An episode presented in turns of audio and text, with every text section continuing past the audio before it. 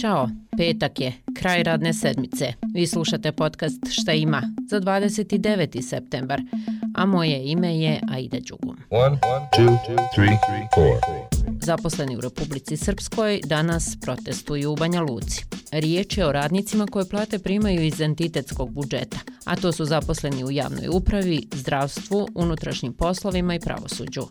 Njihov zahtjev je veća plata.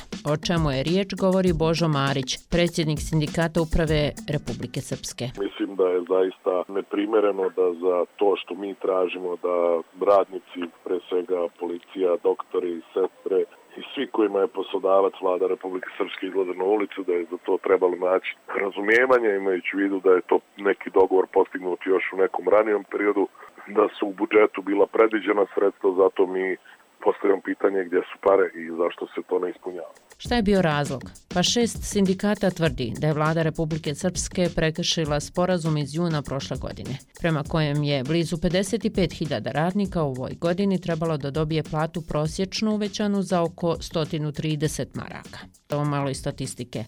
Prosječna neto plata isplaćena u avgustu u Republici Srpskoj iznosila je 1286 maraka. Zato sindikalac Božo Marić kaže. Mi smo na proteste pozvali isključivo sindikalne aktiviste, znači one ljude koji vode sindikalne organizacije i njihove prve saradnike. Ovo nije toliko masovni protest, negde naša procena je između 1000 i 1000 i po ljudi, jer ćemo dati određeni rok vlade Republike Srpske, a to je do usvajanja budžeta. Ukoliko se ne ispune naši uslovi, da ćemo nakon toga organizovati ogromne proteste i demonstracije. Od dnevnih informacija da dodam da se ministar vanjskih poslova BiH Almedin Konaković u Sarajevu sastaje s kolegom iz Kraljevine Danske Larsom Lokeom Rasmusenom. A u Bihaću će biti održana prva konstituirajuća sjednica ministarske koordinacije za oblast socijalne politike u Federaciji BiH.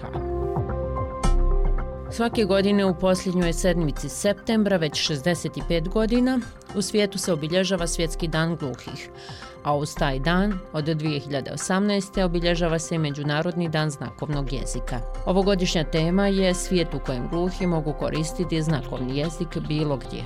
Ako niste znali, ne postoji jedan univerzalni znakovni jezik. U svijetu ima 70 miliona gluhih osoba a među njima je više od 80% iz zemalja u razvoju, u kojima se znakovni jezik još uvijek ne koristi jednako kao u visoko razvijenim zemljama. Podaci su Svjetske federacije gluhih. Predviđa se da će do 2050. godine gotovo 2,5 milijarde ljudi imati neki stepen gubitka sluha, a najmanje 700 miliona će trebati slušnu rehabilitaciju. Preko milijardu mladih odraslih osoba izloženo je riziku od trajnog gubitka sluha, koji nastaje zbog nesigurnih navika slušanja.